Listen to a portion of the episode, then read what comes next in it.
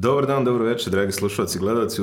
Zavisno od toga na kojoj platformi pratite, ovo je podcast šesta liča, druga epizoda. Preživjeli smo uh, e, proklestvo Vladimira Kuzmanovića koji je prošli put rekao posljednji put kad je emisija počela sa njime, završila se tako kako se završila, možete poslušati šta je to bilo. Podcast koji se bavi košarkom, košarkom, košarkom, interesantnom košarkom, aktualnom, manje aktualnom, arhivskom i trenutnom.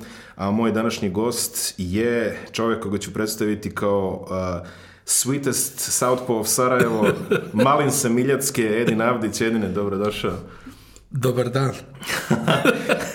ne možeš drugačije da odgovoriš na ovako nešto.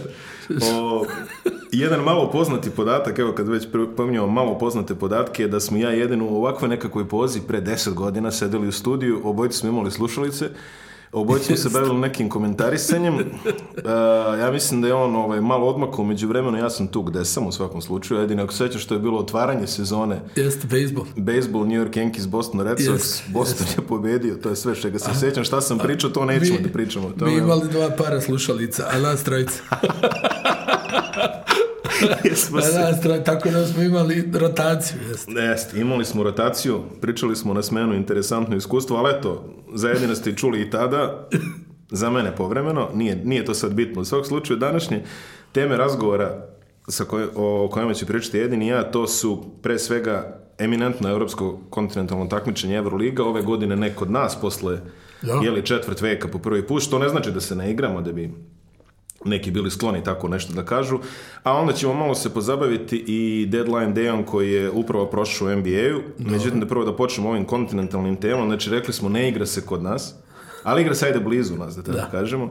Tako da prvi tim kome ćemo razgovarati, kome ćemo nešto popričati je Podgorička budućnost, to je jedini regionalni predstavnik u Euroligi koji se takođe vratilo u Euroligu posle koliko? 13-14 godina čini mi se tako. I više. I više, I više da. I više. E, pa ogromna stvar za budućnost je bila prošla sezona, Real. Niko nije očekivao da će da osvoje, osvojili su i to maltene sve sa domaćim igračima.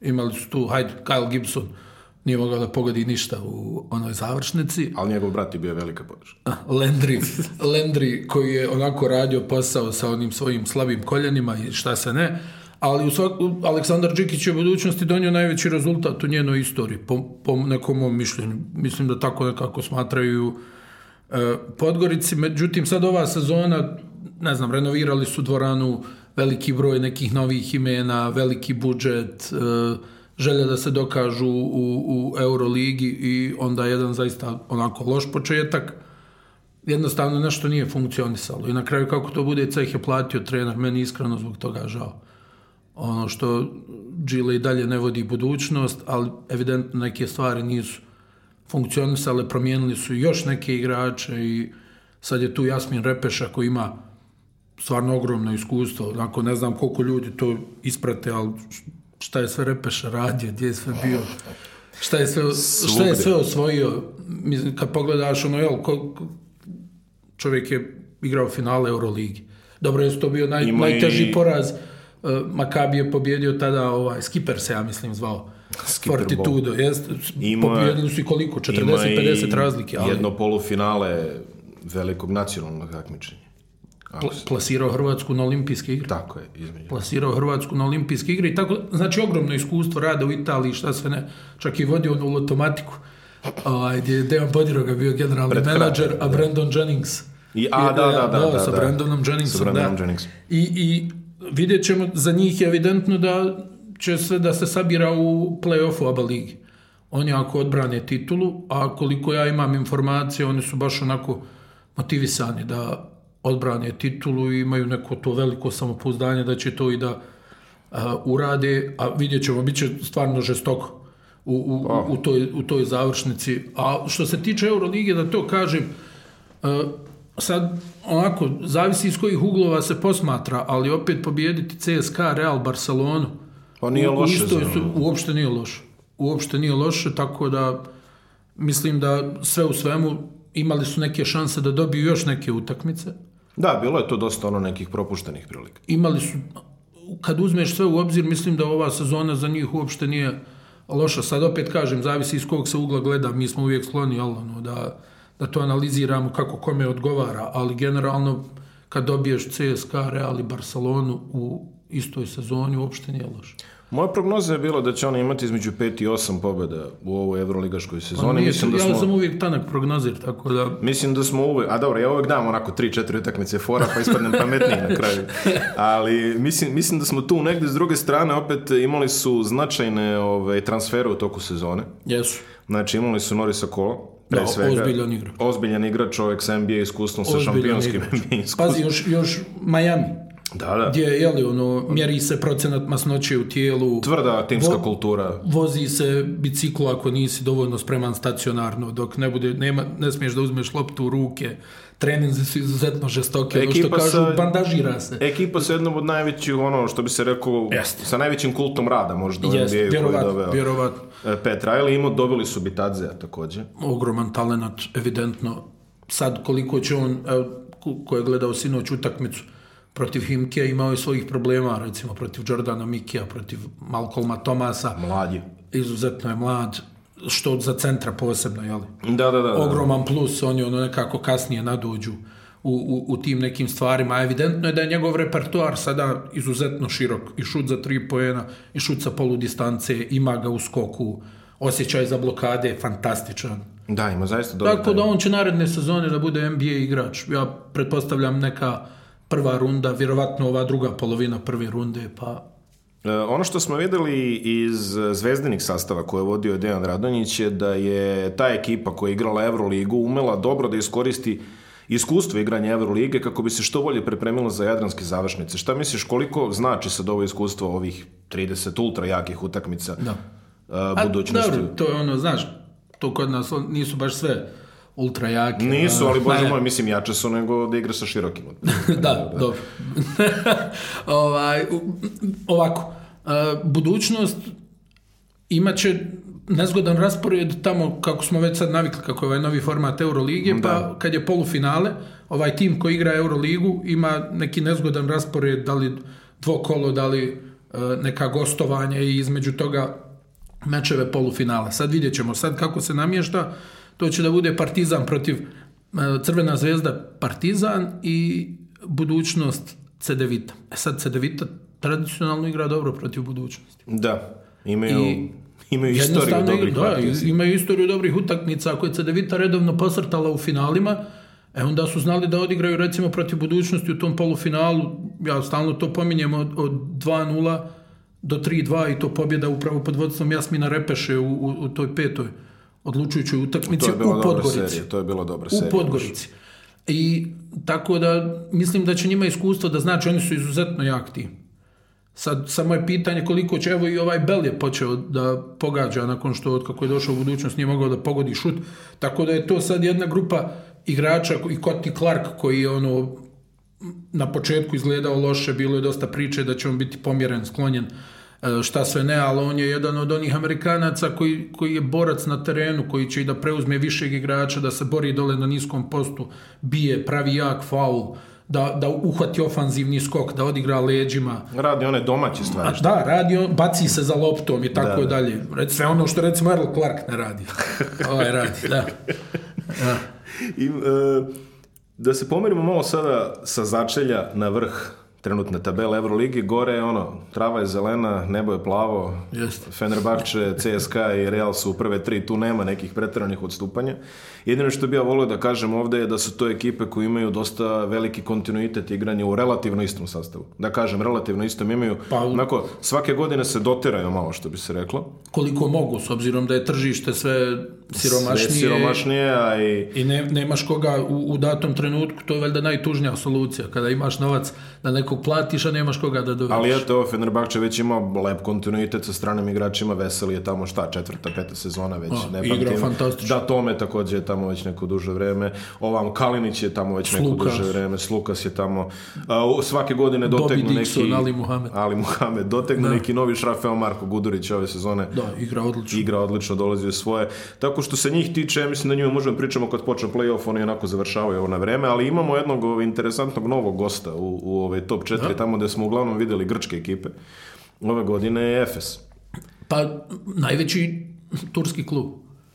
Po, po, po svemu do, gleda. do ovog sada, do, ovog, do ove, ove ovaj, eksplozije i Fenera i ne znam i... Po vampirenja, jeste, ove, ovaj, jeste, i, I Galata je uzela Eurocup, ali do tada negdje po, po svemu, po nekoj tradiciji, prvi su i otišli na Final Four od turskih klubova, to je onaj period... Prvi, da- ev, prvi trofej. Prvi evropski trofej, trofej. da, Ufuk Sariđa e, je tada igrao, igrao fantastično za, Tamer za tu ekipu. E, I recimo, taj Efes je imao ogromnu podršku navijača, pošto su suštinski bili jedini taj proizvod. Bešek teš čak igrao drugu ligu u nekom. Znam da je Željko Bradović uvijek govorio da se zaprepastio kada je došao Fenerbahče, shvatio da oni imaju šest titula šampiona Turske. pa... I ono, a je li Fener koji ima tu neku armiju navijača koji je sportsko društvo u rangu nekih onih vanserijskih sportskih da, da, da, da društava da, da, svjetskih da, da, da. i oni imaju kao šest titula šampiona ovaj, u, u, u Turskoj. Efes ima tu vrstu tradicije da su uvijek imali neke dobre igrače, onda njihov gazda je stvarno čovjek koji voli košarku, koji konstantno ulaže u, u, u tu ekipu, oni uvijek dovode neke ozbiljne igrače i, i onda su u jednom trenutku izgubili put. To su bili dobri igrači, ali ili nisu bili kompatibilni sa trenerom, ili Efes nije imao strpljenja, organizacija kluba, Dušan Ivković je o tome pričao da nije bio zadovoljan kako je ustrojen klub, u nekim relacijama, ali opet neke stvari je tamo teško pomjeriti kada nešto funkcioniše na određeni način, tu, tu se vrti ogroman novac što se Efesa tiče, Efes je klub koji plaća šakom i kapom. Ja, možemo sad da nabrojimo ovdje deset igrača koji nisu kročili na teren za Efes, a Efes ih je plaćao 3-4 godine. I jednostavno uvijek dovode neke, neka, neka zvučna imena. Mislim da su prvi put sada uspjeli da, da ovaj, sklope neki tim koji odgovara nekako po, po nekoj hemiji i, imaju trenera koji je faktički menadžer, jel? Da. Ataman je, I koji je dobro u, verziran u tom miljevu. Uvijek je, uvijek je bila priča, za Atamana se prije govorilo da žestoko trenira, dok je bio mlađi trener. Onda je bila priča da uopšte i ne vodi treninge, da vodi dva, tri treninga u, u, u, u toku sedmice. Ono pojavi se sa strane, malo pogleda pomoćnici odrađuju posao, ali evidentno da je to za njega funkcionisalo i na nekim prethodnim stanicama znam, bila je ona legendarna priča da Arojo i Ataman idu zajedno na ljetovanje, sad kako da spojiš ta dva lika zajedno, ali dobro. Ona, ali u svakom slučaju ti igrači su za, radili posao kada je trebalo, znači nije to neka bila sad čelična disciplina, ali ti igrači odrade posao kada je trebalo i sad Efes ima jednu čudnu situaciju da Shane Larkin koji je tu najplaćeniji igrač mal, ima neku epizodnu ulogu da je recimo Vasa Micić preuzeo na neki način ključeve e, te ekipe, da James Anderson evo tek sad ne dolazi nešto, pogodio par nekih šuteva, povezao neki partija, definitivno nije onaj James Anderson već neko vrijeme i određeni višak kilograma i čini se zadovoljstvo sa tim nekim dobrim ugovorima koje već nekoliko godina u kontinuitetu ima. Od kako se vratio iz NBA i opet u Evropu nije onaj igrač kojeg smo gledali, nije to ta energija, ali pomaže i Plajs radi posao, dobro, Dunston znamo svi njegove kvalitete, on je recimo, e, znam, ja sam za Dunstona prvi put onako pobliže upoznao u Varezeu. On je igrao sa Dušanom Šakotom. I znam da je tad bila priča da Dunston tamo popravlja kompjutere i ovo ono, tako da Dunston nije baš onaj klasični, sad ono pojavio sam se, daj da nešto zakucam, nego ima tu neke suštine iza toga e, što on radi i, i čitav taj tim, evo Doguš Balbaj koji tu, jel, krpi u odbrani, skače, baca se na glavu, zakuca, pogodi neki šut za pobjedu. Efes stvarno ima dobru ekipu. I, i sama činjenica da Larkin, koji, ne znam, bila je ona priča sad na ESPN-u nedavno, ne znam da li si čitao o, o Larkinovim jesam, svim e, problemima, ima neke, kom, tako, kompulsivni, kompulsivni poremećaj, maltretiranje, ma nije maltretiranje, ali Barry Larkin je, ti, da, ti da. barem to znaš što je bio Barry Larkin. Barry Larkin, u, veliki bejsbol igrač. Da, e, da.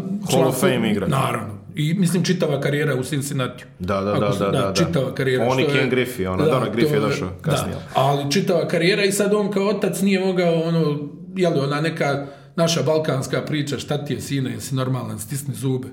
O, a nije shvatao da je ovom potrebna pomoć neka te vrste. I onda Larkin je isto jedan, e, kako da to kažemo na najbolji način, normalan dečko koji neće previše da talasa sad ono, kao šta ja ne igram, ja sam ovdje zvijezda ovo ono, nego i on se tu na neki način uklapa Kruno Simon koji je Af, stari maestro basketa. pa jeste, ja mislim ovaj pa, da. igračka inteligencija Kruno Simona košarkaški pa, IQ. Ja mislim da top sa tim Evropi, fizičkim je. predispozicijama niko nije napravio više u zadnje vrijeme od Krune Simona. Kruno Simon je fan, igrač sa fantastičnim pregledom igre, onako jedan... Ma sve, klasičan basketaš koji je to avanzovao milion, na, na, na milionski ugovor. Ne, stvarno dobar igrač je zahvalan i sve to kad bacimo na gomilu i da je to dobro ukomponovano, je to razloga zašto Efes će možda imati prednost domaćeg terena u, Vrlo moguće. u, u play-off. Što je korak već do Final Four? Mislim, dobro, hajde njihov domaći teren, ono, jel? A da, nije, ali, a, neka... gde, se, gde se to izgubilo, jedina? Reci, mislim, ja se sećam kad pa je dobro, Partizan... Fener. Ja se sećam kad je Partizan svoje vremena igrao no. da, 90-ih. Da, e, oni su imali da. tada FS u grupi par puta, pa su ljudi dolazili pa kažu ljudi, tamo te gađaju ekserima otprilike. Ono, da, kao, šta pa dobro, ali evo, znači, dolazili su navijači Fenera, dolazili su navijači Galate, dolazili su navijači Bešiktaša, simpatizeri košarke, jednostavno to je bilo nešto novo. Sad, znaš sam koliki je Istanbul. Da. E sad kad pogledaš koliko klubova ima u Istanbulu, evo mi smo nedavno bili i sad ja sam želio da odem s jedne utakmice na drugu i, i drug mi ovaj šalje onu mapu saobraćaja. Mm.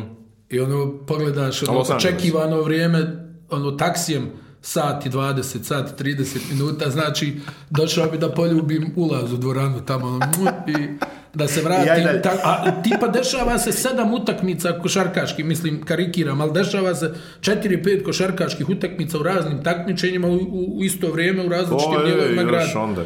I tada je to bilo tako. Posle su svi dobili svoje košarkaške klubove, razlog, jel, na te navijačke grupe idu na, na utakmice tih svojih timova, posebno kada oni igraju dobro, posebno kada krene uh, novac, evo, jel, kako je odjednom Darušafaka od, od tima gdje, ono, gledaš sa strane, stani malo otkud ovakvi igrači u ovoj ekipi, koja je dugo bila neka filijala. Darušafaka je da. stvari da. slovila za studentsku ekipu tako u, u Istanbulu. Tako je. I, i onda jeli, ovi pređu da finansiraju Fenerbahče mm. i odjednom onda Daru Šafaka koja recimo i ove sezone ima nekoliko dobrih igrača. Ja znam da je budućnost pokušavala da dovede Tonija Daglasa u, u, u svoje redove, ali to se izjalovilo. Pretpostavljam da je njemu draže bilo da ostane, za njega je Turska relativno poznat teren pa je ostao tu. Pa dobro, a i Dačka sledeće sezone gubi svoju super da. ekskluzivno wild da. card, tako da ove, sledeće sezone ih nećemo gledati u Euroligi. Konačno pa neko. Pa da, mnogi su, pa dobro, mislim, to je, to je možda i najbolji trenerski posao Davida Blaja. Jeste, jeste, ne, ne, ne, to, to Možda ne. i najbolji. Mislim, on je, on pa je dobro. proživio, vidi, kad uzmeš okolnosti, Blat je preživio u Makabiju, mi smo tad nekad bili na onom Final Fouru ABA lige u Tel Avivu. Aha, aha, aha. I Federman je na sve načine, ovaj većinski vlasnik Makabija, je pokušavao da otjera Davida Blata iz kluba na sve načine. To je, to je tamo. borba, da. to je bila neverovatna borba i onda se jel desi Milano Final Four gdje dođe Makabi kao outsider definitivno Totalni, i sredi CSKA Rajs za pobjedu da. i onda Rajs sredi i Real, Real. Madrid u finalu. I Tajus pokupi Ma, sve. Rajs. A pa dobro, Rajs svakako Rajs. je Heroj koji onda u Barceloni trenirao sa Barcelonom B. Rajs ili ti Tadija Risović, kako ga ovaj da. pojedini crnogorski reprezentativac, Tajris Rajs. E, lepo su pokrili što se dešava u Efesu, sad možemo da pređemo na ove e, nama bliske klubove, da tako kažemo, znači nisu regionalni, ali ajde da kažemo naši su, znači tu pre svega mislim na Barcelonu, no. Da i na Bayern. Pa neki je francuski tamo časopis, ne znam sad koliko je to tačno u Evropi, to uvijek moraš ono da, da, da. da, da, da uzmeš, jeli nije nema baš jasnih informacija, objavio da Barcelona ima drugi najveći budžet u Euroligi ove sezone iza Real Madrida. Dobro, Francuzi Ja sam se frapirao kad sam vidio da je CSKA na trećem mjestu, rekao, kakva je ovo lista. Ali al dobro, u, u svakom slučaju Barcelona je ideja Svetislava Pešića, razgovarali smo, On kaže, ideja mi je bila da dovedem igrače koji su imali neko iskustvo igranja u Španiji. Mm, dobro, pa su se vodili tim, doveli su stvarno neke dobre igrače. Za njih je možda i najveći problem što Pengos ne igra dobro ne može da se uklopi na pravi način. Nije to ona igrač kojeg smo gledali prošle sezone u Žalgirisu. Koji je pogađao... Ne, ne može da pogodi e, nekako bojažljive u dodavanju, dosta njegovih grešaka. Ali eto, oni su u trci za, za to četvrto Igraju, mesto. I... Sve u svemu, imali su na jedan pad nakon što su pobjedili Real u ligačkom derbiju. Da, da. Onda su se opet podigli, igraju stvarno dobru odbranu. Svetoslav Pešića, škola Boše Tanjevića, to je uvijek selekcija sa visokim dugorukim igračima, po mogućnosti da playmaker ima dva metra, ali dobro, to u ovoj Barceloni definitivno Radna nije slušao, ali igra se žestoko kontrola skoka pa i mislim da to daje njima neke rezultate, da možda Pengos i Kjurik pogađaju u većem procentu, to, za tri pojene to bi izgledalo još bolje, mada je to Peš rekao da on je našto ne voli previše šut za tri poena, ali bez toga se teško igra. Da? Pa, danas se bez toga teško igra. Ali to, to će recimo biti izuzetno interesantno. To se sad namešta, u ovom momentu se to namešta kao potencijalno četvrtfinalna serija Efes i Barcelona. Uh, to će biti, da, ja to recimo... Ja, ja mislim da bi to Barsa pobjedila. Pa morao, mislim, ajde, da kažemo opet, ovaj, navijamo da- ovde, da, ovde više poštujemo piroćansku nego istanbulsku školu košarke, tako da definitivno moramo stati ovaj, na, na stranu Barcelone, barem ja, ajde da tako kažemo, a i ti sigurno. Pe, pešće, dobro, to... pešće Sarajevska škola košarke. Dobro, da dobro, da ti... ok, da. izvinjam se, izvinjam se, Sarajevska škola košarke. Pa, da, naravno. Ali ove, ovaj, meni je bilo interesantno kad su oni doveli Pešće, to je opet bilo posle jedne ove male pauze. Oni imaju određenih zdravstvenih problema no. Da. i onda se vratio i ja sam mislio on će sad tu da bude vatrogasac, on će završiti tu sezonu i onda kao ovi će da jeli tu da iseku i krenu dalje negde. Znači on će tu da vrati kulturu, što bi se reklo. Međutim, nastaviš oni s njime, sasvim dobro ide. Znači, Pešić... Prvi su u Španiji. Vešice sjajno drži, ovaj, znači ima, ima tu još ono bez starca, jel pa tako? Pa da, pa Nema. koliko, gotovo 70 godina. Pa da, da, da. Gotovo ne, da. 70 godina. Neverovatno iskustvo. Ali funkcioniše i dalje. Pa što kaže, ovaj, šta mu fali, fali mu olimpijske igre samo. Nije ko Larry Brown, ne znam da si čitao onaj tekst za Larry Browna, bio je fenomenalan neki tekst za Larry Browna i njegove snalaženje u Torinu. Nesnalaženje. pa nesnalaženje. Kao, naučio je da kaže e, tuna na talijanskom. A pa dobro, pa da, onda to, to je komplikovana da, reč. Da, pa je onda ovaj... konstantno jeo tunu. I onaj pokušavao je da gleda oh. NFL u ovim ranim terminima, nedeljom u nekom tu kafiću blizu. Da. I onda kad dođu ovi da gledaju futbal, pa njega ono otjeraju tamo u ovu sporednu sobu. Pa su mu onda nešto, ne znam, nija provlačili neke... A ne, baš tamo... u Torinu je. Da, pa šta će.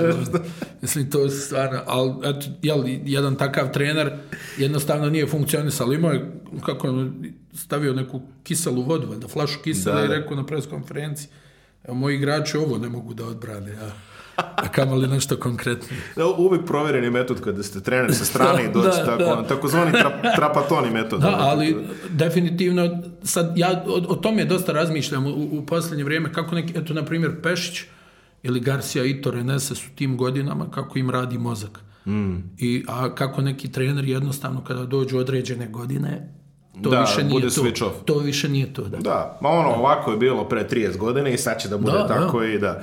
A, pominjem Trapatonija, drugi tim sa ove liste. Nećemo valjda Trapatonija. Nećemo da. Trapatonija, ali hoćemo o Bayernu. Dobro. Znači sad ovdje da, imamo... Aj. Ovaj- Bayern, ono što bi se reklo, najnaški klub, ajde, ovaj, zajedno s budućnost. Definitivno, Dejan Radonjić tamo radi odličan posao za sada. On isto došao kao požarni, pa je završio posao što je trebao u prvoj svojoj sezoni, prvoj polusezoni, sad dobro ide u Nemačkoj, prvi su ubedljivo u Euroligi. Znamo da, je, ovaj, da Dejanu treba malo vremena da on uspostavi tu svoje sisteme, Tako posto on je ovako dosta metodičan, dosta ovaj, precizan, ali čini mi se da su sad na dobrome putu. Da, i ogromna stvar za njih upao im je u ruke Derek Williams. O, to jeste ogromna stvar. Ogromna stvar i super se ponaša i željene dokazivanja. Na maj gostova u emisiji Milan Mačvan i on baš govori za, za Williamsa da je potpuno normalan tip, da nema uopšte taj neki moment, ja sam bio drugi izbor drafta, ovo je meni ispod časti, kao da je samo, nego jednostavno tu je u ekipi je... Grinder. Da, radi posao, njegov atletizam, sposobnost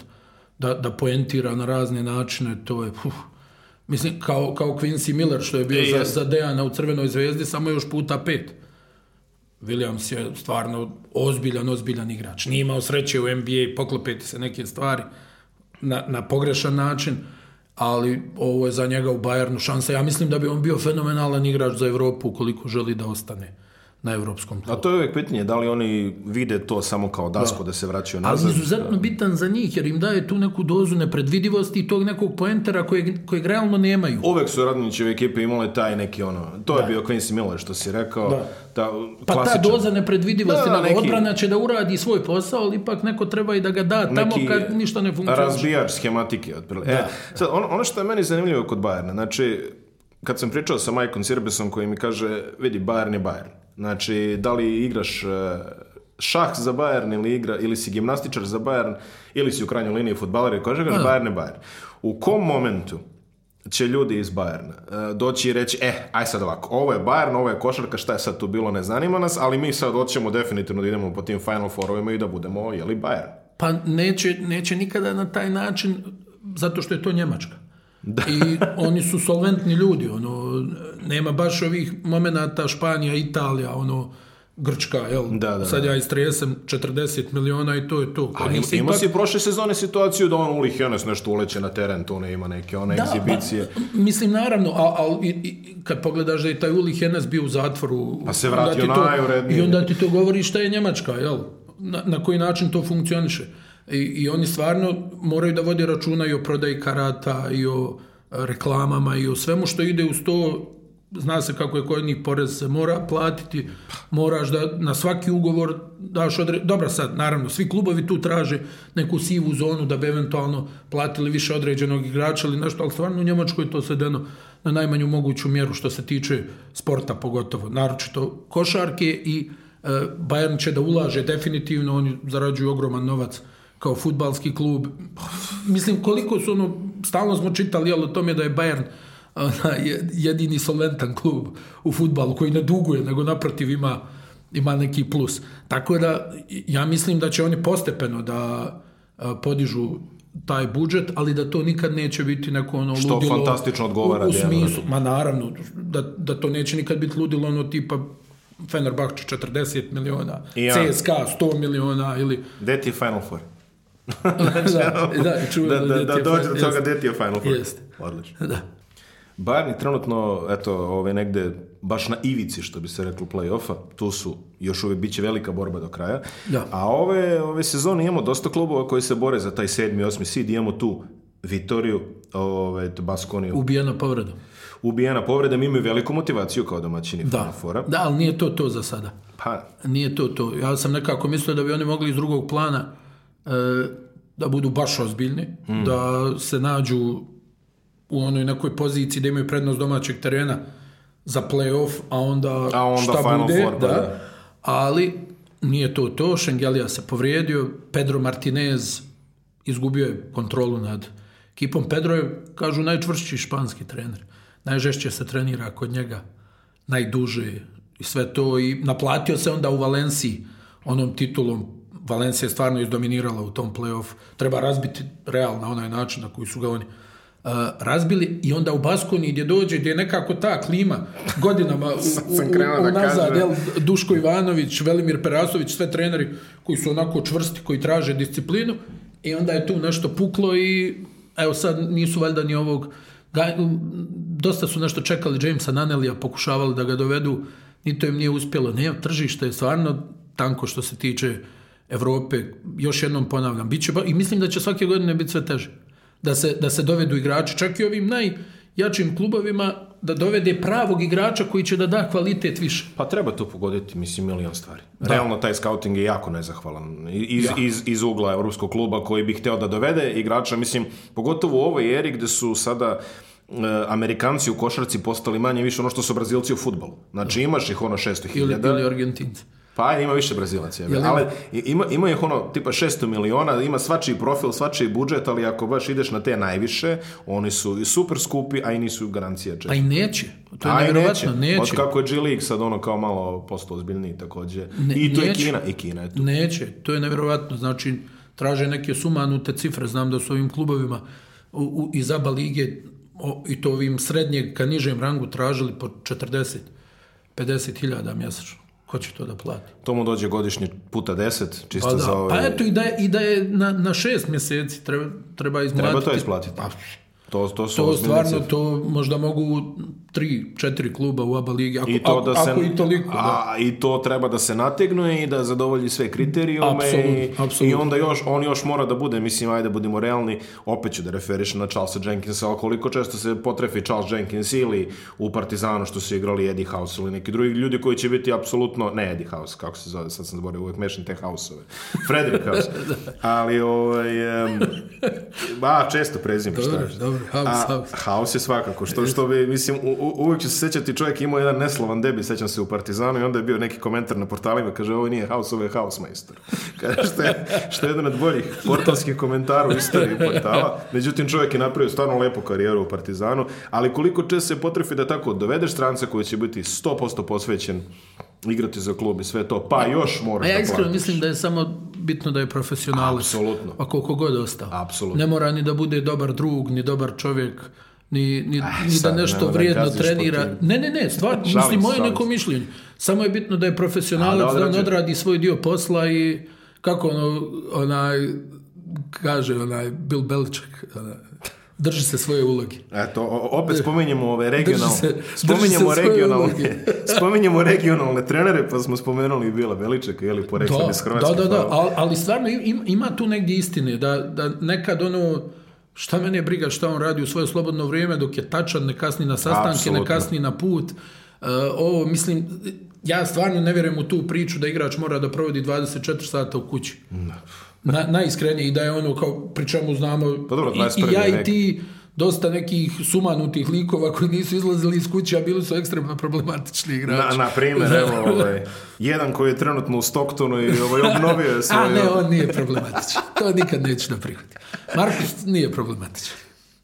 Jer on, stvarno, ja mislim da je samo to neki splet ovako nekih čudnih okolnost ako postoji manje problematičan tip. Ne, ne, naravno, ono ovako mislim jedna teška ladovina od čovjeka jest, da se nalazi sa određenim sklonostima koje možda Dobro, nisu kompatibilne. Dobro, te sklonosti, da, to, to jeste, ali generalno neko ko stvarno, ja mislim, ako da su njega u jednom trenutku života zanimale samo video igrice, ništa drugo. Apsolutno, da. apsolutno. Mislim, da, ono, ljudi koji ne znaju o Markusu Williamsu pa ga vide onako istetoviranog i da. ono sve super, znaš, misli u čoveče, ovaj je sad ono. Međutim, ti pričaš s njime, ili, njegov ili, otac, e, lični trener NBA igrača, radio sa Jelenom Roseom, ovaj ga pratio, znaš, ovako, dobra kuća što bi se reklo. Jeste, jeste. Znaš, stabilna porodica. Stabilna porodica, sve ono. ili moj brat Jacob Pullen koji je, onaj, konstantno E, na, ne znam ja, 90% e. trenera će da kažu da je on... Rodom iz Tbilisi. Da, da je on problematičan, da je ovo, da je ono opet, kad pogledaš taj kvalitet, on je stvarno po napadačkom potencijalu NBA igrač. Sad, što su ga ukočile neke druge stvari. To isto koji malo predješnjeg njegove, da. Marko Sevilinski. Da. Imamo Armani koji se isto tu nešto ovaj, čupa da, da dođe do play-offa. E, to isto je jedan vrhunski klub, ali koji ne znam. Velika, ono... ljudi, ljudi često prenebrignu velika šampionska tradicija u Milanu. Ma Naravno, da, dugo vremena je nema, prošlo ali, davno prošlo vrijeme. Jest, davno prošlo vrijeme. E, ja ne znam, sad je Trinkeri ovaj, tamo na jednoj od onih inauguracijenih preskonferencija pominjao ono pljuvanje krvi. I ja mislim da je to kovanica koju je u, u Italiji prvi upotrijebio e, Dan Peterson. Ili Dan Peterson ili Mike D'Antoni. To sam od njih prvi poučuo. E, kako se to kaže na talijanskom, sputare sangue ili ovako nešto psuvanje krv. Čitao sam u nekoj knjizi. E, da, e, da. Dobro, ja italijanski, jel? Ono, cappuccino, macchiato, to je to. Ovaj, ali, stvarno, onaj, i, to je jedan van serijski klub gde se, slična priča kao Efes, plaćaju, ne žali, može sve. E, oni, ne znam, uđu u seriju poraza, tamo uđe generalni menadžer, pričali su nam ovi igrači, kaže, uđe generalni menadžer, neko tamo njegov podijeli neke vouchere za za šoping u ovim luksuznim buticima u Milanu sa 60% popusta, daju im premije, ne znam, dobiju jednu utakmicu, odmah idu u koverte s premijama. Momci, evo ako ovo dobijete, dijelite, ne znam, 400.000 eura, oni tamo. Onda je Bo, Božo Majković je pominjao da, da su ovi Amerikanci u ovaj, klubovima koje on vodio, uvijek kad se pomene ta, ta premija, oni pomahnitaju. Onda. Kaže, zašto? Zato što supruga ne zna za taj novac.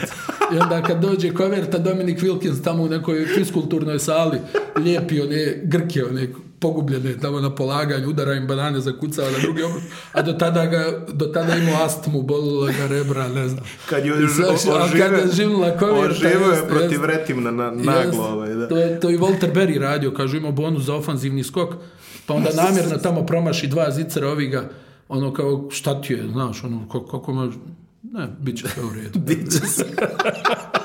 ne brinete. Walter Berry, koga naši ove, ovaj, slušalci ga vjerojatno pamti svojih grčkih epizoda Paok. Pa da, to. Aris je da igrao. Da, bio, mislim. Ne, čovjek je odradio dosta toga u Grčkoj, jest, zaista jest, jedan jest, jest. izuzetan ovaj, stranac koji Treba neko da napiše knjigu ili da snimi dokumentarni film, ja to uvijek govorim o, o, toj Grčkoj ligi 90. 90. ih kad je ono... To, kad su se dijelile pare šakom, stvarno, u koferima, u da. torbama kad su igrali neki nevjerovatni igrači. Ja se sjećam, gledao sam Olimpijakos igrao Eddie Johnson. A, da, da, Eddie I, Johnson... I vidi koji je izgledao tad kao, kao da je sletio, ne znam nija, neki vanzemaljac, I onda ovi igraju na 55 pojena, Eddie Johnson da 30. Eddie Johnson I ne može se, da promaši. Koji se vratio u Houston posle. Da, e, imao igrao, izuzetnu igrao, epizodu. Ne, to ne, neviđena ruka. Ja čak sam pričao s nekim ovim našim trenerima tamo kao svi ono pričaju kako ono taj šut ono bukvalno svi u šoku kad promaši. On kao, ono, kao neka greška u kompjuteru, ono, kao šta se sad desilo. Imao je onaj šut e, za pobedu protiv Jute, ono je, sa 9 e, da. metara. Kad nismo je baš morali to da pominjamo. E. izvinjam se, izvinjam se, izvinjam se, da, da. zaboravim. Dobro, ajde, šta sad? Sad još i Šibenik da pomenem, pa ovaj da... da, da Nema potrebe, to je sve jasno. To je sve jasno. Makabi je konačno oživeo posle ove, ovaj, nekoliko yes. sušnih sezona, i nije u potpunosti oživeo, ali šta, šta tamo... Najbolja tek... dvorana za košarku u, u Joj, obišao sam puno dvorana, ali ta je stvarno, koliko je to dobra dvorana za košarku. A vidi, ako je upola ja, dobra da kao aerodrom, onda... Ovaj... Ne, nevjerovatno koliko je to dobra dvorana za košarku. Za mene, ne znam sad, ova Fenerova nova je stvarno super. Mm.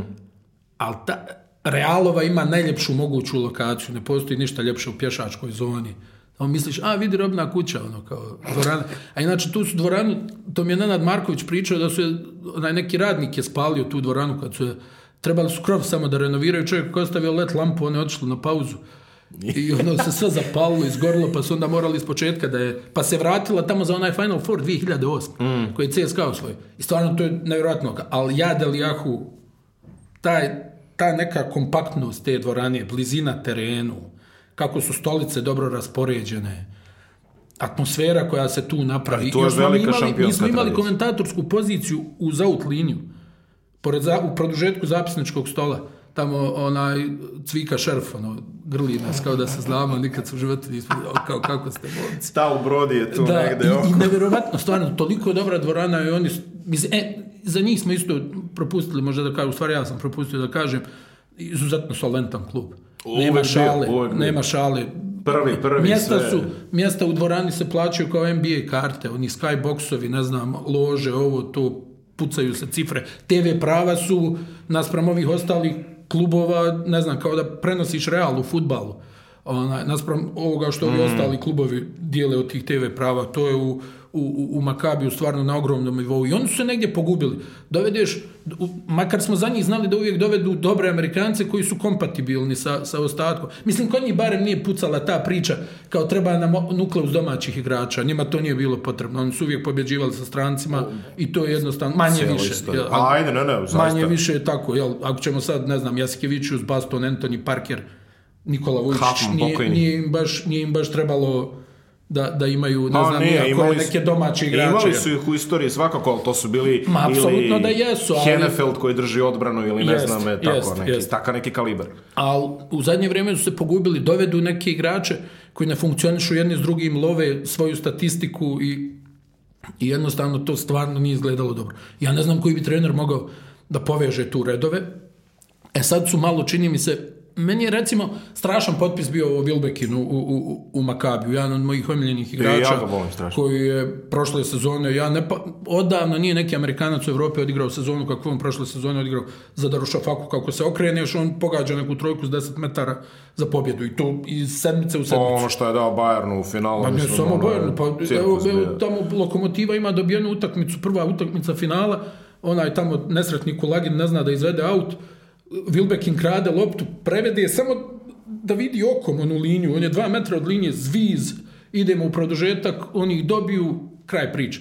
E, sad, hoću to da kažem, on je odigrao protiv budućnosti, ubacio koliko, 30 pojena u Podgorici, i posle toga je povrijedio palac, čini mi se, šuterske ruke ili kaže prst. Nije ni bitno. I od tada je njegova forma nešto potonula, da li se ranije vratio nego što je trebalo. Ali to nije to, gledao sam ga protiv Barcelone, čovjek ne može tablu da pogodi, I sad ja ono, ovako u trenutku zaboravim, rekao, što, šta je s njim, da nije izašao negdje noć ranije. Ovaj, i, I onda na time outu se vidi kako mu je bandažiran, čini mi se, palac. Ja sam da sjedim, aha, pa ja ima ovu povredu. I kad on uhvati malo forme, ja mislim da oni mogu tu. Meni je lično bilo malo čudno Sveropulos ovaj, u Makabiju, kako će to da izgleda on iz ove škole, mislim i škole, iz ovog grada s Olimpijakosom, tvrdoća na 60 pojena, tuci, tuci, tuci. Tu, tuku svi ovi iz klupe i, i ovi na terenu, međutim, uklopio se. Tarik Black je fenomenalan potpis.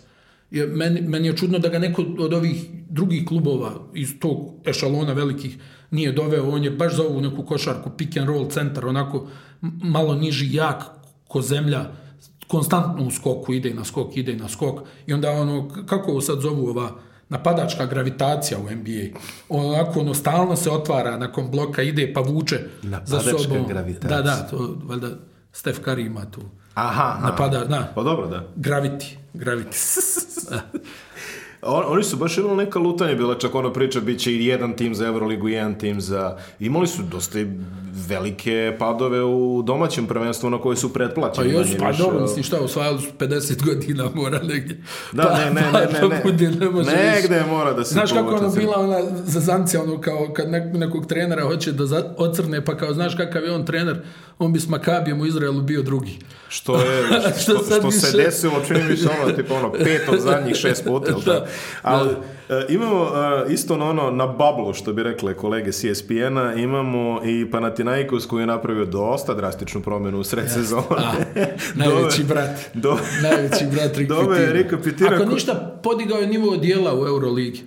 Rick Niko ne nosi skuplja odjela. Koji je ranije imao neke egzotične izlete, čim je bio selektor Porto Rika. E, jeste, ali nije dugo da- trajalo. Nije da. dugo trajalo, ali evo, ovo mu je prva egzotična. E sad šalno stranu, je ozbiljan trener.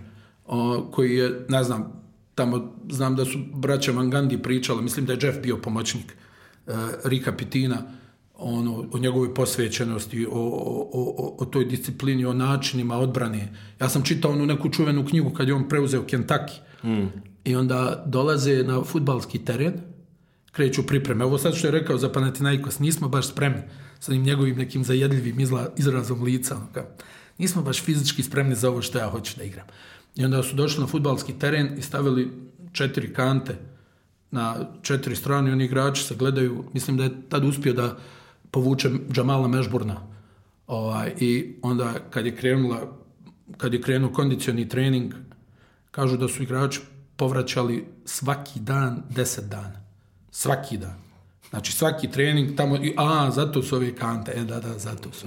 I onaj Rik je na stranu ovi sad neke ispade koje on imao na Louisville-u, šta se tu sve dešavalo, ono neko da li je dobio neko vambračno dijete ili je nešto ispod stola plaćao za to. pa do, da, e, e, Svašta se tu dešavalo, još onda ova afera oko ovog dovođenja ovih striptizeta tamo, pa naravno, jel, ja nisam imao pojma o tome, to je sve ovaj tamo. Vidite, ovaj tu, on za sve, ali mislim, to, pazite, to je ogroman ugovor. Mislim da je on na Louisville imao 70 miliona uh, A dobro, da. ugovor. Da. I, I ono što, opet da kažem, podigao je nivo dijela u Euroligi. Taj, skuplje mu je dijelo od Papajanca sigurno, ono jedno. ovaj, ali ne, na stranu sve. E, Pitino, stvarno vrhunski trener, evo, Jim Beheim to uvijek priča, e, čovjek se oženio, Pitino, i kao ovaj, on je pomoćnik, znači, Bejhajmu na Sirakuzu, to je 1863. Ma, 120. malo pošto je, sezona malo, Bejhajma, da. malo pošto je Sever uzo da, inicijativu da, da, u građanskom I, ratu. I on dolazi ovaj, u hotel, kaže, kao Rik, e, treba da idemo, pa kao coach, prva bračna, no, pa da, ali ovi neki igrači, moramo to da završimo, on ide, kao draga moja, ja sad da, I onda, onda, je ona živjela tamo sa dok se on nije vratio, ona je stanovala kod, kod e, Pitina, on je valjda živio sa još trojicom pomoćnih trenera, pa je, ona, pa je ona supruga tamo prala, kuhala za, e, za sve njih, tako da Pitino je stvarno posvećen, imao je neke poteze u košarci, neke njegove ideje su bile, na stranu ovo sad šut za tri za njega da. Boston, da, pressing, šut za tri poena, pick and roll offense, neki principi u odbrani, Eh, na stranu ovo što je kao Boston ono što je što je bio taj imao fijasku u Bostonu. To ne mijenja kao... činjenicu da je on van serijski trener. Da, ali ljudi će ga ovde manje više uvek pamtiti najviše po Bostonu, mislim velikim delom zbog toga što je NCAA košarka nema neke posvećene fanove ovde, pa će ljudi čisto da pamte Boston, ali po tome. A, pa Ali dobro, ajde, to je Ja pretendujem da ima i ovih drugih, da. Pa do da, dobro. Nema je odmah. Da. ne, znači imali smo već i ovaj Jutu Šibenik sad i NCAA. O, okej recke se pišu. Da. Uh, I i na, oni su dosta se popravili, eto mi smo neko navikli da Panathinaikos uvijek bude konkurentan, sad oni su tu neki malo outsider. Pa nemaju šut. Na, Osnovni problem, nemaju šut. Atletski su stvarno dobri, ali nemaju šut. Lođeski je opterećen povredama, vidi se koliko mu je teško, no treba mu 15 minuta da se zagrije. A nema toliko vremena na terenu. Doveli su Kil Patrika koji bi tu trebao da pomogne. Samo malo da se smiri jer je imao par neki utakmica gdje šutira kao lud, ne vidi nikog oko sebe.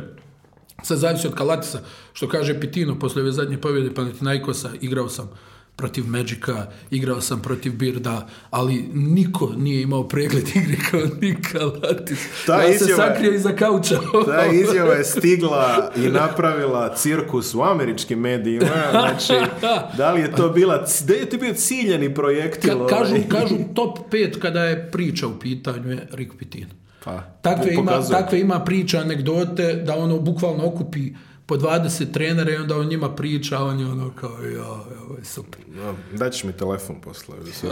E, e, imamo iza se su još to ovako, sad su već ovako, su ovo bili ono što bi rekli Dark Horses, ovi su već onako vranci u štali bez ove struje, e, Himki i Žalgiris, oni su toliko Dark Horses u ovom momentu da... Da, pa Žalgiris valjda izgleda nemoguće bilo da ponove nešto slično i oni su žrtve onog što smo pričali nekoliko puta uh, u toku ove emisije, da nema tržišta za igrača. I onda nisu bili u stanju da dovedu igrača da nadobijeste Pengosa. Meni je iznenađenje da ovaj Derek Walton ovako tamo slabo igra. Ovaj, to mi je stvarno, da je slabo igrao, stvarno mi je iznenađenje. Ja sam očekivao nekako, a on je taman tu da malo ono, igra odbranu i pogodi neke šuteve za tri poena. Milaknis igra slabije, mislim sve su to malo stariji igrači, ali Kavaljauskas igra slabije, Jan Kunas igra slabije, Oni su ono, on, mislim, oni meni nemaju veze sa litvanskom košarkom, najiskreniji. Pa kako Ovo što Šaras igra, E, ono, to je klasično ovo naše eksiju batinanje. Pa ono, poslednjih deset godina ispre... Žalgiris bije. I... Žalgiris je, ako se sjećaš, 99. u Minhenu na Final Four došao kao outsider, razbio Olimpijakos, razbio Kinder u finalu. Pretrčali su i ispogađali sve. Taj u sedmi s loptom brži od svih Anthony ljudi. Anthony Bovi, Irži Zidek, Adomaitis, Štrombergas, dva žuka uskasa. Ja sjećam se dobro, Olimpijakos, Goldwire, Arjan Komazec, Mislim da je Tarlać tu bio, e, Duda Ivković trener, apsolutni favorit, ovi se pojavljuju, tipa imaju 80% iz igre u prvom poluvremenu. Pogađaju sve. Pa I isto su to uradili u finalu protiv Kindera i to je bila ta neka litvanska košarka kako smo je mi doživljavali. Ovo je nešto drugačije. Ovaj- ovaj da? ovo je, što Šara igra, ovo je da. Paten, ovo je bukvalno ovo je, da, ovaj, da. stil Bože Markovića 93. Da, da, da, da. Limož vintage, što da, bi se... Da, da makar je Limož imao Michaela Younga, ovi ga nemaju. Da. Pa dobro, ali bio, bio. Da, da, da, da. da. Dobro, i tu je Himki kao poslednji neki pa, kandidat. Ne znam, taj Himki, evo, koji je ovo povratak Kurtinaitisa? Treći, jel? Pa recimo, treći put. Da. Kao da je tu negdje u kafiću, pa ono, kao, pa da, e, evo ja sam slobodan ako nemate igrača. Ovaj, ali u svakom slučaju ekipa koja godinama već ulaže ogroman novac, imaju i oni neke tu trofeje, na što su i oni napravili, mislim, ne znam, nekako u Rusiji uvijek A taj problem što košarka nije, ovaj... nema tu popularnost, ono, meni uvijek tuga uhvati kad vidimo na CSKA s onom, mislim, tu su svi preduslovi da tu bude makar puna dvorana svaki put. Da a nije i ona neka onako sumorna atmosfera. Nemaš osjećaj jel da se igra recimo četvrt finale Euroligi kad je onaj kadar iz Moskve ti ono... Ja... Pa sećaš se kad su igrali protiv Zvezde pa je dolazio reporter iz Moskve koji kaže sad dođeš u Beograd ovde kaže znaš sve, sve je to, a kaže u Moskvi kao ono Dan ono, kao svaki drugi, otprilike. Ma, čo, ništa se ne dešava. Da. Pa što kaže Teodosić koji kaže, možeš tamo, kaže, tamo najurednije. Kaže, tamo Kirilenka možda znaju na ulici, otprilike njega a, da. malo maltretiraju, da. a, a, da. mi svi ostali smo kao onako srećni, zadovoljni, živimo naše... Neki visoki momci. Privatne živote. da, živimo naše momci. privatne živote u Moskvi. E, Dogodin imat ćemo prvu, prvu, prvu novu Evroligu sa 18 klubova. Uh, e, Daruša Faka neće učestvovati, pošto je istrošila svoju wild card, carda, istrošila da? je svoje učešće kao pobednik ove ovaj, Evrokupa. Uh, e, imaćemo drugo mesto za Nemce, što jeste neka, ovaj, pošto je Bayern dobio licencu. Da. Im, što Ko jeste je neka, drugi? Pa to, to je interesantno pitanje. Ali, dobro, to jeste Možda neka... Možda Alba, jel? Pa oni bi obožavali. Ja mislim da Euroligu dovedu... Bamberg do ima neki buyout. Imaju Oni buyout su se obavezali sa... prema FIBA Ligi šampiona, mislim da imaju buyout što se toga tiče, mada i Bamberg nešto čudni su im potezi bili Ali to i u predsezoni i ove sezone. To jeste jedno priznanje za nemačku košarku kao ovako jednoj velikoj ekspanziji. mislim da je to no. Da. sad, a Nemci krenuli ko Nemci što kažeš. ano, počeli smo od solventnosti, da. pa kad mogu stroše pare, onda tako. ćemo i da pravimo nešto. Koliko je Jorgan Dug, jel? Tako i Bundesliga u futbalu, je na kraju krajeva došla na tenane, ono, u prvi. I imat ćemo povratak francuskog predstavnika u Euroligi. Da, Asvel. Asvel. E, Tony Parker, Nikola Batum i njihova obitelj. I njihova obitelj. Široka obitelj Tre, koja radi u klubu klubu i to. Trenutni sastav Asvela, uz svo dužno poštovanje gospodinu Zvezdanu E, Mitroviću i ovim e, igračima koji ste, mislim da je imao vedno kapacitet za jedno tri pobjede u Euroligi ove godine. Da. Tako ali... da moraće će da naprave ozbiljno renoviranje. I mislim da hoće. Oni, ja mislim da su još uvijek kao znak pitanja, da još uvijek nisu ispunili željene kriterijume, pa kao kad ispune dobit će licencu, ali svakako moraće će doći do velikih investiranja pa... da bi Euroliga došla u Francusku. I, opet. Mislim da će oni tu i da daju novac, Toni ga već daje neko vrijeme. Svakako. Batum isto tako, a obojica imaju onako respektabilne ugovore i zaradili su A, neki novac u karijeri, da.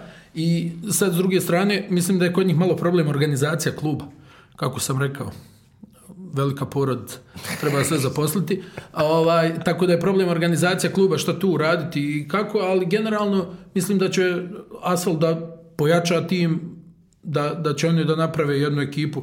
Asfal ima jednu sjajnu dvoranu uh, za košarku i, i Lion je i super grad i sve što ide u sto i onda mislim da tu oni mogu da napravaju, a imaju i tradiciju. Asfel igrao Final Four Euroligije. Izbacio Efes, onomad, uh, eh, Jane Bilba, Jane Bilba, Jane Bilba koji nije igrao taj Final Four jer je u euforiji slomio uh, prozor od slačionice, ovaj, prošao je rukom kroz njega. Bilo su bilo Efes. bilo je za Zalimož u, u kojem isto igrao Jim Bilba, da. Mark Mbaja i Jean-Jacques sa dva čovjeka koji pravi najbrutalnije blokove u u evropskoj košarci. Imaju, imaju tu tradiciju, ko će sportski grad, ima futbal, ima da, ragbi. da, Da, pa kažem, ovaj ima sve, tu elemenata i mislim da će oni da napravi značajno jači tim nego što je ovaj sad. I poslednje pitanje o Euroligi je realno, da li ovaj format radi? Evo, ovo je već pa treća sezona. Da, da, li smo išta bliži? Kao, ideja je bila da se približimo NBA-u. Pa nećemo se nikad Nećemo se nikad približiti, da. ali da li je atraktivnije, da li je interesantnije? Po tebi. Pa ne znam. Ja i, i dalje ne, ne znam, to mi je nešto na na vagi. Drago mi je što sad igra svako sa svakim, s Dobro. jedne strane. Ja, za, za, manje klubove, mislim, ajde, kaže, da. kad kažeš manje klubove, mislim ovde i na budućnosti, na Zvezdu i na Partizan, koji Ma, realno naravno. u sferi današnjeg evrodelovanja, ne po svojim renomeu, nego po svojim solventnosti, da.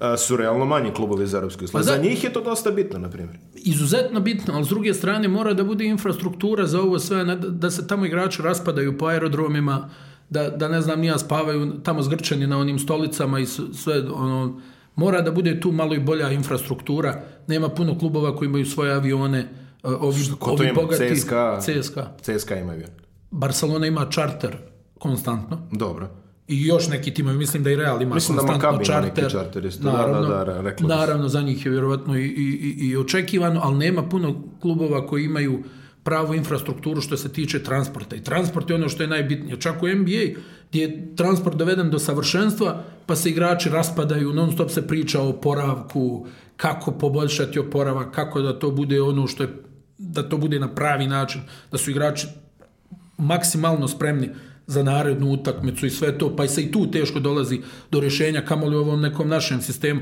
Pogledaš ove klubove u ABA ligi, ne znam, igraju u nedelju uh, Abu igraju u ponedeljak domaće prvenstvo, pa onda da, idu da, na da, neki da, da. trivialni meč FIBA lige šampiona, ono, ne znam.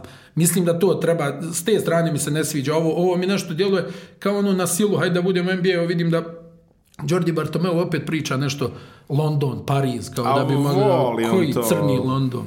Da. koji crni London i koša, ne znam. Ajde. Pa dobro, pokušat će. Ma, dobro. Pokušat će. Da. I dolazimo sada i do ovog najaktualnijeg događaja, a to je da. trade deadline u NBA-u koji je veliko bio dosta živahan.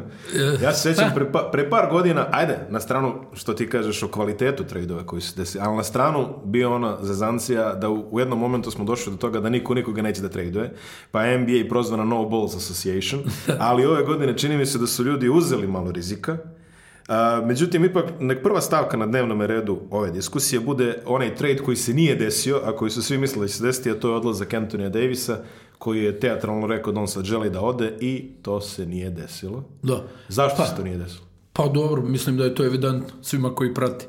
Nisu, ovi nisu htjeli da ga daju, bio veliki pritisak da ga ne daju Lakersima. Veliki pritisak. Veliki od... pritisak. Veliki pritisak ove ove hobotnice San Antonija koja se raširila po, po ligi.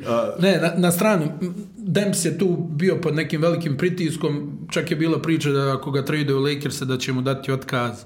Sad, Lakersi su s druge strane, ono kad pogledaš ove neke, čak išlo i neka priča da je New Orleans namjerno puštao u medije ove ponude Los Angeles Lakersa da bi ih malo ono... Destabilis. Da, I uspio u tome. Da, uspio u tome, ali kad pogledaš ako i 50% onoga što su oni nudili navodno New Orleansu tačno... Ja ne znam što su ovi čekali. Ne znam. On navodno čekaju sad Boston da da li će Boston tu da zapakuje Tatuma na kraju sezone, mada čuli smo izjavu Davisovog oca koji je rekao nikad za Danny Ainge nakon onoga što se desilo sa Isaiah Thomasom.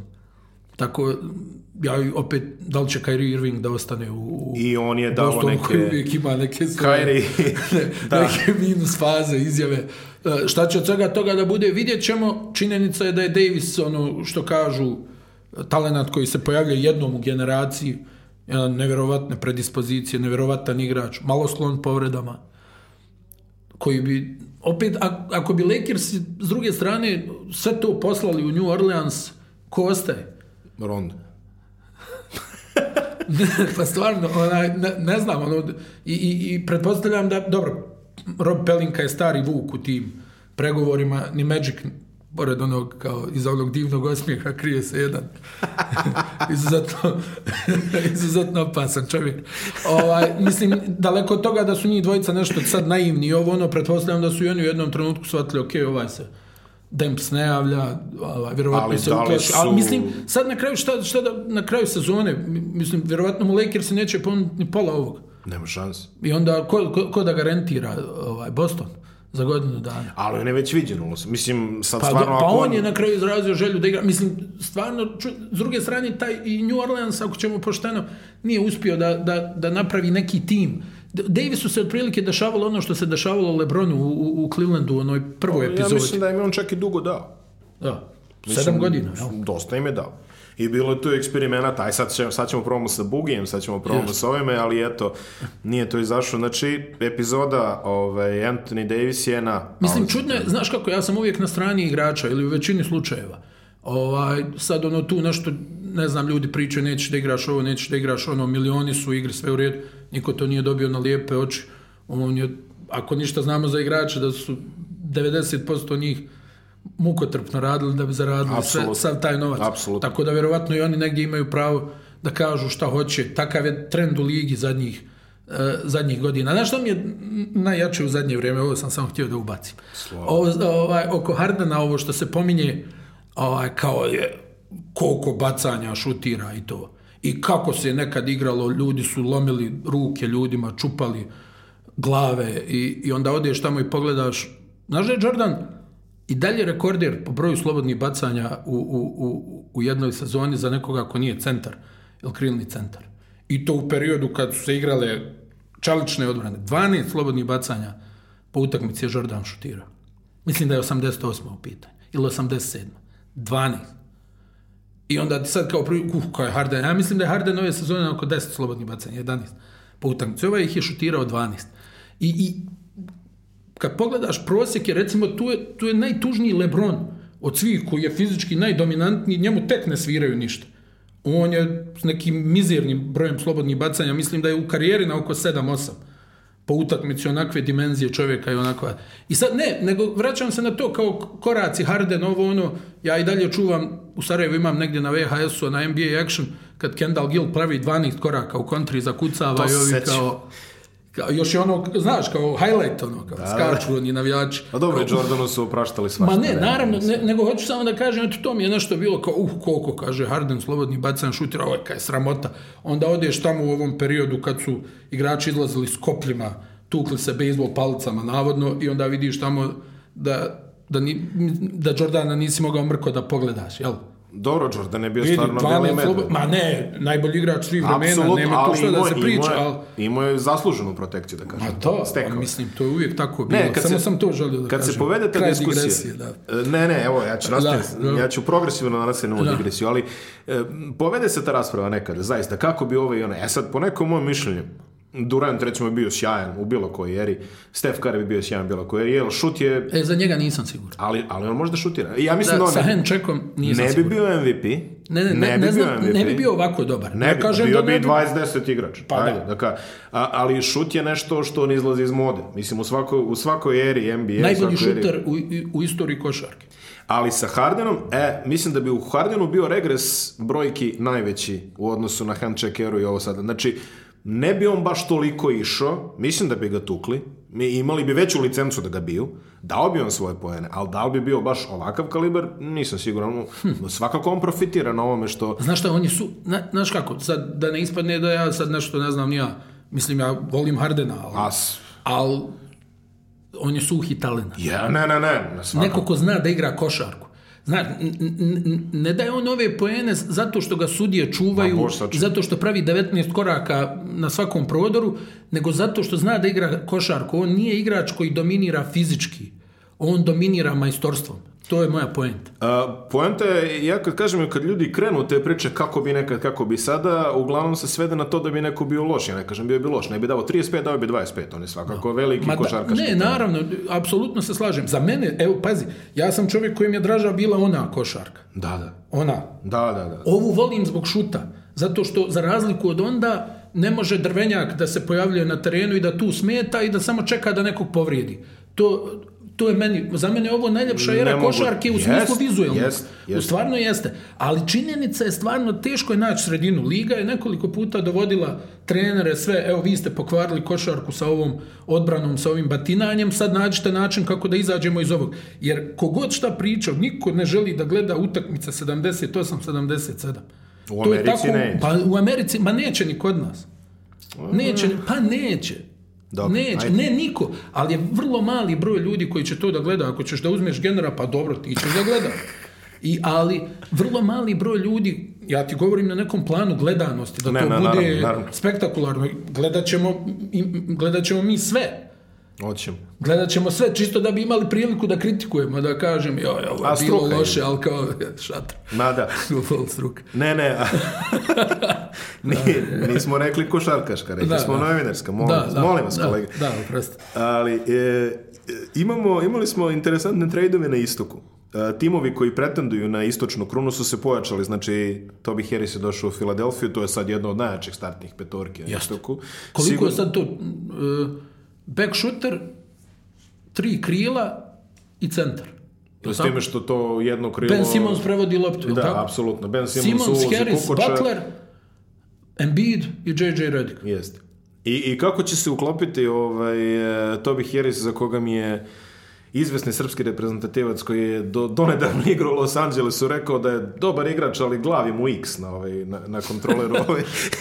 ja, sad, ja mislim u, da će se dobro uklopiti. U toj petorci visoke potrošnje, zaista ovaj, kako će se on uklopiti? Pa ja mislim dobro, on ima odlične procente šuta i ove sezone. I atletski je sjajan. I atletski znači, sjajan. Znači uklapa se u to. Ne mora sad nešto puno da gnjavi loptu može da šutira, imaće prostora vjerovatno. Tu se možda jedini napadački ne uklapa Jimmy Butler, ono previše zato što je on ono voli malo da da da da da, da je zagrli da privatizuje. Ovaj, jeste, malo da je zagrli, al opet on je s druge strane ono fighter, odbrana i tako dalje. Tako da A, mislim da će i, i vidi biće stvarno žestoko istog polufinala ako budu I imamo ovo. drugog onda Gasola, kako će se on uklopiti? To je već malo interesantno. E, to je.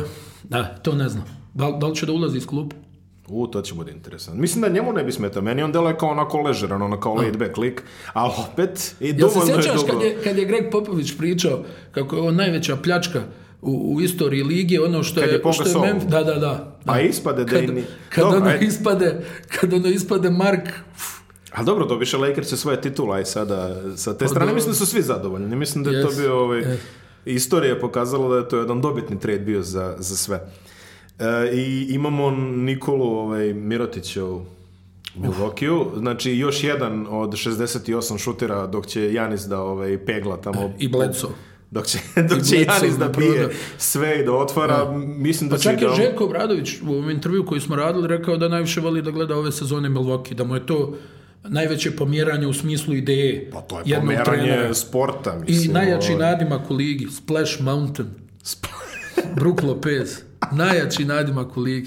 Splash Mountain. Splash Mountain. Ne, ali dobro, Kako, oni su... Mislim, generalno dobar nadimak, posebno za nas, ove držmekastije. Splash Mountain.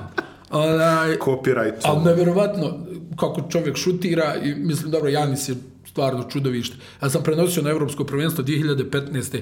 Tamo kad je zalijepio Gasola sa, sa strane pomoći, dotrčava i Gasol se ono kao ispivotirao, tamo izlomio nekog onog grčkog centra. Aha i kao polu horog, još mislim Gasol s onim svojim rukama od 16 metara i kao polu horog i to je to, vidiš samo dolijeće čovjek. A, druge strane, bum! Ko, sećaš, izvini, sećaš ono klipa što je bio on isto NBA action, što kažeš kad Kevin Johnson ide na zakucavanje pa ovako Olej Jones samo se pojavljuje. Da. Bukvalno, kod ga nacrtao. Da, da, i Strickland je skinuo, da ne idemo sad u preveliko digresiju. Strickland je uhvatio s pola. Zamisli, stigneš koliko je brz bio Hakim, da stigne Roda Striklanda koji mu ukrade loptu na pola terena. I, i, i sad imaš, imaš tu situaciju te Milwaukee koji je jak, stvarno peglio svoju koncepciju svakim, ali dobro kad se pojavi igrač koji je jedan u 40.000 igrača, da. učinit ćeš sve. Sam da... Mislim, ako još navježba šut, evo sad je neku noć je pogađao. Pa to je strašno, mislim. To ako je, još uspije da navježba nešto šut... Um, žene, slog, decu, mislim, zegove, to, to je... Ali e, i imaš Boston koji je tu malo pasivan bio, mada evo vide neka preča čusti kantera, ne znam šta će im, ali ovaj... Pa dobro, mislim, Boston smo nekako svi vidjeli u finalu. Jesmo. Kao oni su glavni favoriti da se odigra ova regularna sezona, boga mi, neće biti lako. Tesno će da bude. Boga mi neće da bude lako. Tesno će Još da bude... posebno što kod njih odnosi baš... Izlazna pozicija nisu, im nije dobra u play-offu. Nisu baš nešto i utihnule su ove priče o, o genijalnosti Breda Stevensa. Pa to je da. bilo i malo ono, jeli? Da. A dobro, izgleda čovjek iz... Treba, treba to... Ne, pa ovaj- vjerovatno je pregorio, mislim, pregoriš tu, pretpostavljam da odnosi u ekipi nisu baš najbolji.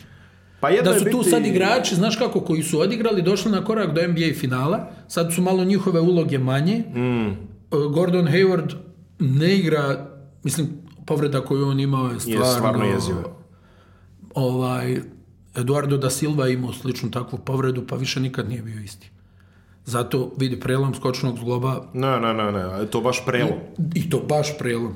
Da, to da. vidi, ne znam koliko će mu trebati. Da li će ikad imat to samopouzdanje u, u, u... A doveden kao marki free agent, tako kao, znači to je dosta veliki clash. Još onda Kairi koji je evidentno malo čudan, koji, pa znam da, znaš da su bili tekstovi kako on imao te neke promjene raspoloženja, pa i u Clevelandu tokom play-offa tipa 15 dana nikog ne pozdravi, pa ono dva dana kao sve mrzi, pa onda treći dan dođe, e, šta radite, Jester Raja, o, šta da, se da, da. dešava, imao je, ne, ne, znam stvarno. Znači, ono, znači svaki treći dan zemlje okrugla mislim, kod Kairi. Da, on je, on je hiperinteligentna da, naravno, osoba, da. ali ne znam, nekako ne može da nađe to neko mjesto pod suncem, ne svaće. vrlo nesmet. Biće, da. biće generalno interesantan ovaj zaista istočni playoff dok ne dođu do finala i tamo pokušaju da urade nešto. Uh, što se zapada tiče, imamo tu ovaj, nama ovaj, srodne duše, što bi se reklo prvo u Sakramentu, ja moram da kažem, nisam bio veliki fan poteza Vlada Divca u početku, na, dok nije doduše ni znao šta radi, ovaj, da se tako da. izrazimo. A, onaj trade e, za pik kad je poslao ovaj, popularnog Soska Stilja, to je Nika Soskasa, u, e, je verovatno će u istoriju kao jedan od najgorih tradeova u istoriji kosmosa. Uh, ali sad je po meni odradio igraju jedan odličan dobro. trade. Igraju dobro. Oni igraju dobro, a trade za Harrisona Barnesa po meni... E, recimo sad, znaš, ima ona kao ono sad napredna statistika, bla, bla, bla, mm. i kao broj napada po utakmici. I sad taj broj napada po utakmici već, došlo se, ja mislim, ima već dvije godine, mm. možda i malo više, da u suštini ne pokazuje koliko neka ekipa igra brzo ili sporo, nego samo pokazuje broj napada na utakmici. E, sad smo došli do ove druge statistike koja tačno mjeri koliko neka ekipa provodi vremena u napadu, u sekundama. I dugo vremena ove sezone, naš ko je najbrže igrao? Sacramento. Sacramento. Brže i od Golden State.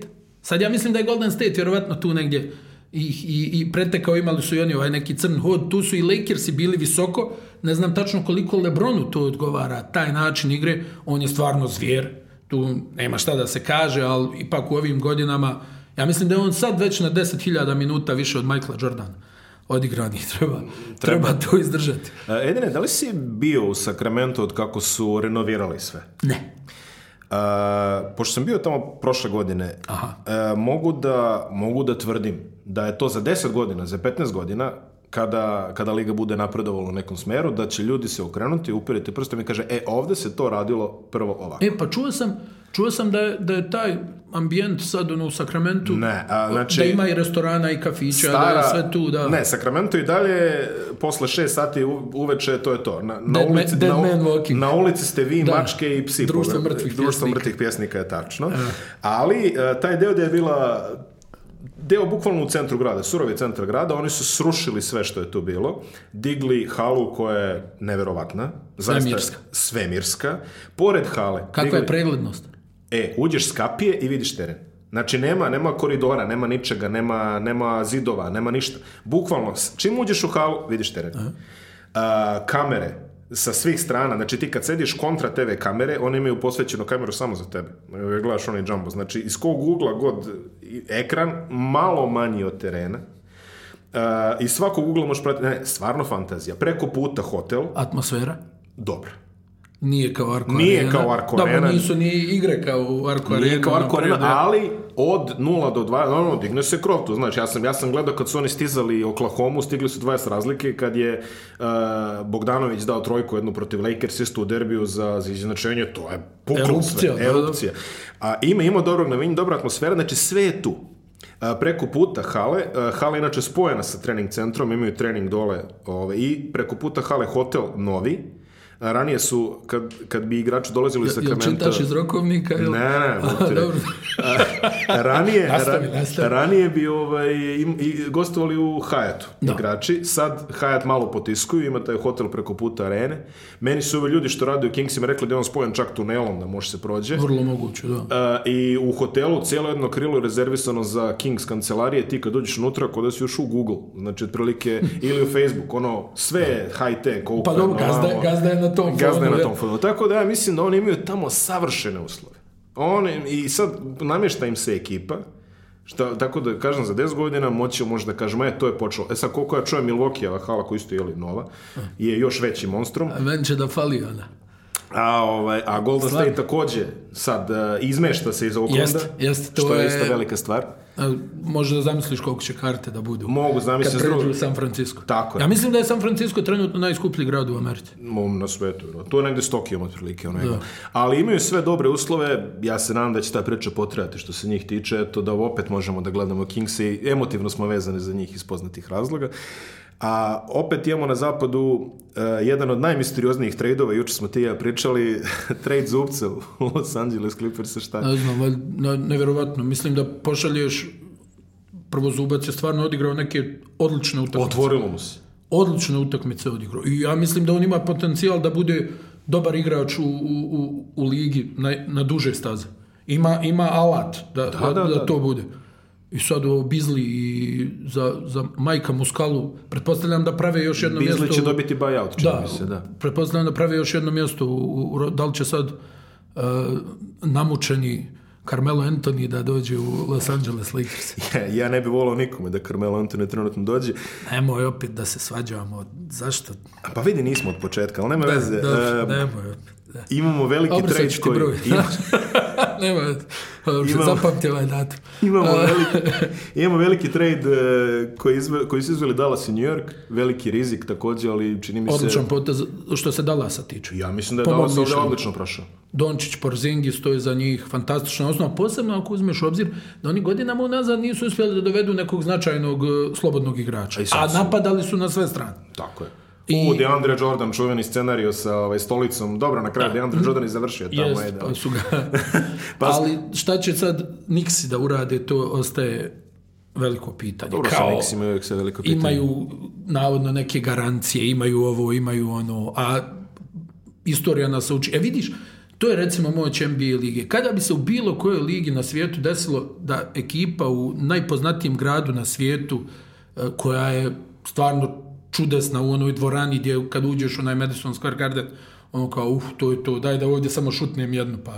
Mm. A, i, I da budu kanta, evo već koliko, 20 godina. Pa od onog lockout finala, de facto.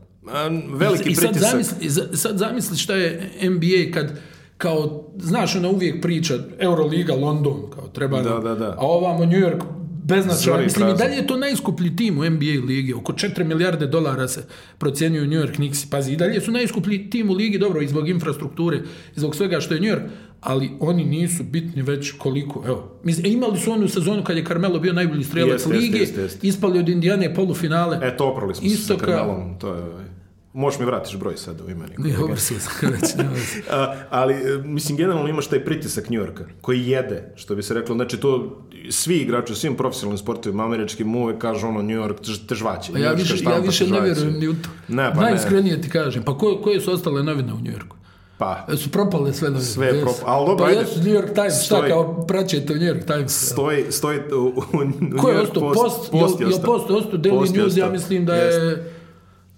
na, na samrti može neko doma da te pere po nekom blogu, otkud znam. Ne? Ali... Imamo, imamo na kraju uh, rastanak, uh, opet, drugi, drugi rastanak ovaj, Srba sa Los Angelesom, znači Miloš Todisić dobio buyout, pojačat će neku najverovatnije evropsku ekipu u narednih mm. nekoliko dana. Ko bi to dana. mogao da bude? Pa, Efes je pokušao svoje vremeno da ga dovede, ne znamo da, da li će da, opet pa krenuti. Ovo je to prije par mjeseci, ali Ko bi to mogao da bude? Pa ja neću da kažem šta bi ja voleo, ali nema da veze. Čujem, da, rec, ne, rec, ne, ne, ne, da živo Zau, Zaustavit ćemo Evo, to. Ko, kome zna, zna o čemu Evo, bi pričao. Evo, ćemo se. Ne, ne, Kako su ne. vaše očekivanja kod nastavka A, karijere? ali o, ono što je zanimljivo, Bob, Boban Marjanović je otišao u Filadelfiju. I u paketu sa svojim dobrim prijateljem Tobijem Harrisom, Jeste. s kojim se već seli ovaj, ne, ne baš koliko Solska stilja nesretnik, kako smo spomenuli par puta, ali a, meni čini da je on napravio nešto u Americi da znači, će on ostati tamo. On ima sad tu svoju glumačku karijeru, tako reći. Napravio je neki život ličnosti, toga. Ličnosti. Ličnosti. Ličnost. Fenomen. Ličnost Mene je malo žao, jer mi znamo njegove košarkaške kvalitete. Pa, ali, takve su mm, okolnosti. Takve su okolnosti. Takve su okolnosti. Za, što ti kažeš, ja mislim da će on još neko vrijeme da, da, da bude u ligi.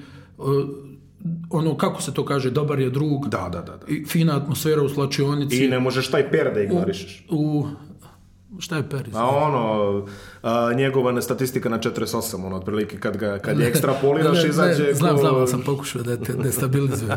e, znam, ali, e. ali ovaj, spreman si. Da. Ne, nema veze. E, generalno, ima on su neko... I mislim da će oni dobiti neke minute u Filadelfiji. Pa nije nemoguće, mada nije nemoguće. jednostavno za njega je problem što je ova igra koja se sada igra prebrza. Tako da on realno sa to su neke njegove minute, 10 do 15 ja ne, ne znam da bi, da bi to moglo da bude više u ovim okolnostima. 10 15, ja mislim da on može da da, ako on mu 10 15 da svojih 8 pa, i 3. Ja jednostavno ne vidim srećni. gdje bi on mogao s obzirom na brzinu igre da, da, da ostane više na terenu. Stvarno. Jasno, jasno, sasvim jasno. Edine, mislim da smo ispunili kvotu svega što smo trebali da pričamo. Šajba mu čista bez ikakvih fleki. Prepoznaješ njegove lice. Dugo te nije bilo, šeki. Jeste. Ovo je bio podcast e, Šesta lična koji možete pratiti na YouTubeu, na Facebooku, na Soundcloudu, u buduće i uskoro na iTunes-u i na Google servisu koji ne znam kako se zove, ali svako liči na iTunes. Gdje vas nema? E, to. A šta ovaj, u sledećoj epizodi, šta ja, između ostalog i šta ja mislim ovaj, gde će Miloš Teodosić nastaviti karijeru, to je šta bi ja želeo. Ovaj, pričat ćemo nekom drugom prilikom. Edine, hvala ti. Hvala tebi.